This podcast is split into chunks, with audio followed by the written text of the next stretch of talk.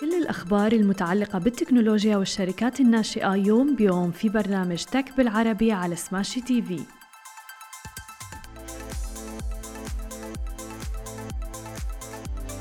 يا أهلا وسهلا فيكم ببرنامجكم سماشي تك معكم أنا هالة بسام برنامجكم تك بالعربي.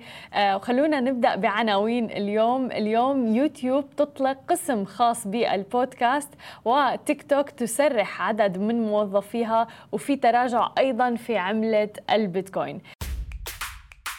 Okay, guys, we love smashy business news, but Augustus Media is much more than that.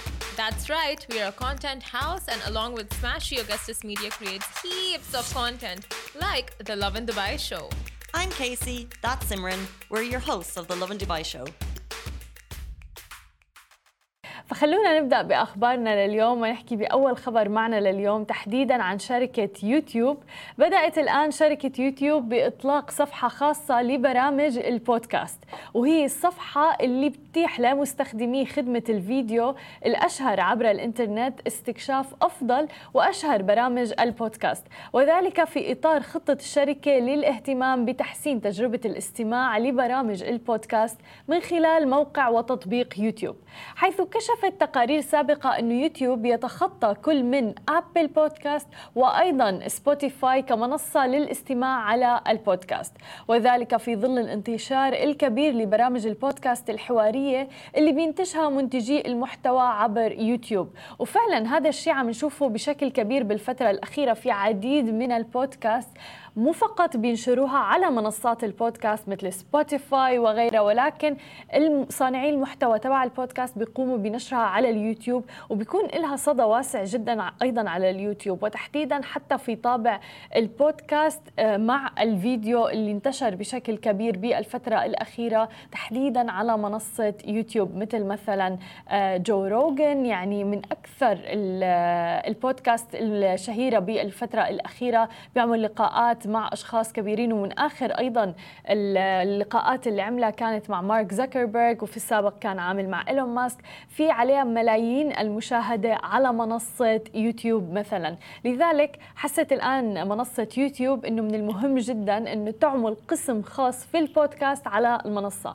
وما ننسى أيضا إنه في اشتراك premium موجود على يوتيوب ومن خلاله ممكن تسمعوا يوتيوب ميوزك فبالتالي هلأ الآن رح ينضم إلى يوتيوب بودكاست وقسم خاص بهذا المنتج.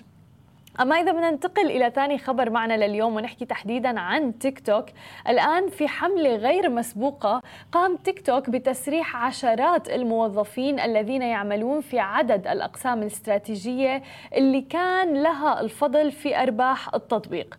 وهو أمر بيعتبره الموظفون أنفسهم شديد الغرابة نظرا لإرباح تيك توك تحديدا في العام الماضي.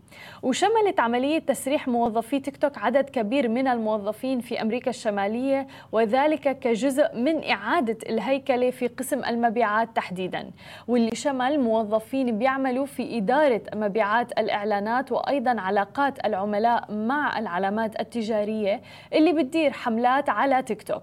وقال أيضا متحدث باسم تيك توك أنه هي الخطوة جاءت كجزء من التحول المخطط له لجعل أعضاء فريق حلول الأعمال العالمية بيركزوا على قطاعات صناعية معينة مثل مثلا الموضة التجميل وأيضا الترفيه. ولكنه رفض الإفصاح عن عدد الموظفين اللي تأثروا كجزء من إعادة التنظيم. وفي الوقت الحالي عم تشهد مثل ما شفنا بالفترة الأخيرة شركات التكنولوجيا العملاقة عمليات تسريح كبيرة جدا حيث قامت شركة أبل الأمريكية بتسريح حوالي 100 موظف في إدارة الموارد البشرية. ومن المقرر أيضا أن تتخلى عن المزيد من الموظفين في الفترة القادمة أيضا وذلك في إطار خطتها لكبح جماح التوظيف والإنفاق أيضا حيث تعمل الشركة على تقليل عدد الموظفين الحاليين. وهذا أمر عم نشهده أيضا بسبب التضخم الكبير اللي صار بالفترة الأخيرة واللي أثر على الاقتصاد بشكل عام وأيضا على سوق الأسهم تحديدا الشركات التكنولوجية. أما إذا بدنا ننتقل إلى خبرنا التالي ونحكي تحديدا عن عملة البيتكوين تراجعت عملة بيتكوين المشفرة عند مستويات 20 ألف دولار ضمن نطاق التراجع الأوسع اللي شهدته الأسواق عالية المخاطرة في تعاملات الجمعة تحديدا مع تأكيد الفيدرالي الأمريكي على استمرار توجهه نحو مسار التجديد النقدي حتى كبح جماح التضخم مثل ما ذكرنا. وتجاوزت نسبة تراجع العملة المشفرة الأكثر نشاطا في هذه السوق 7% منذ يوم الجمعة حيث اتخذت السوق نفس مسار الأسهم الأمريكية التي تراجعت بصورة حادة بعد خطاب الرئيس الاحتياطي الفيدرالي في منتدى جاكسون هول. وبيقول الخبراء أيضا أنه الأموال عم تهرب حاليا من الأصول الخطرة ومنها طبعا الأسواق العملات المشفرة وأنه أسواق العملات المشفرة اتبعت أيضا الهبوط الحاد لسوق الأسهم الأمريكية بعد تصريحات باول أيضا وتأثرت بشكل كبير بالفترة الأخيرة مثل ما ذكرنا وعم نشوف انخفاض حاد في سوق العملات المشفرة. أما إذا بدنا ننتقل إلى آخر خبر معنا لليوم ونحكي عن عالم الشركات الناشئة وال startups في منطقتنا العربية. جمعت الآن شركة زي دبليو المصرية 630 ألف دولار أمريكي بجولة استثمارية seed عن طريق Poland Prize وأيضا Plug and Play وعدد أيضا من مستثمرين ملائكيين. ليصل إجمالي ما تحصلت عليه الشركة من استثمارات إلى الآن مليون دولار أمريكي. وبتخطط الشركة أيضا لتوظيف الاستثمار في تطوير فريقها ودخول أسواق جديدة وخدمة مستهلكين من جميع أنحاء العالم. وتأسست الشركة شركة زي دبليو المصرية المتخصصة في حلول وبرمجيات التجارة الإلكترونية كخدمة ساس في جمهورية مصر العربية عام 2017 تحديدا عن طريق محمد غيث.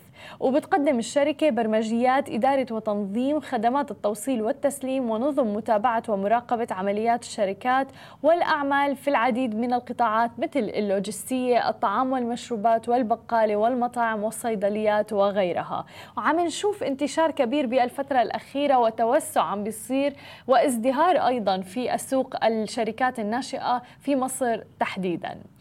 هذه كانت كل أخبارنا الصباحية لليوم. ما تنسوا تتابعونا على كل مواقع التواصل الاجتماعي الخاصة بسماشي تي في. تسمعوا البودكاست تبعنا وتنزلوا ال application. نهاركم سعيد جميعا. مثل ما وعدناكم أخبار جديدة ومقابلات مع رواد أعمال يوميا في برنامج تك بالعربي على سماشي تي في. حملوا التطبيق الآن.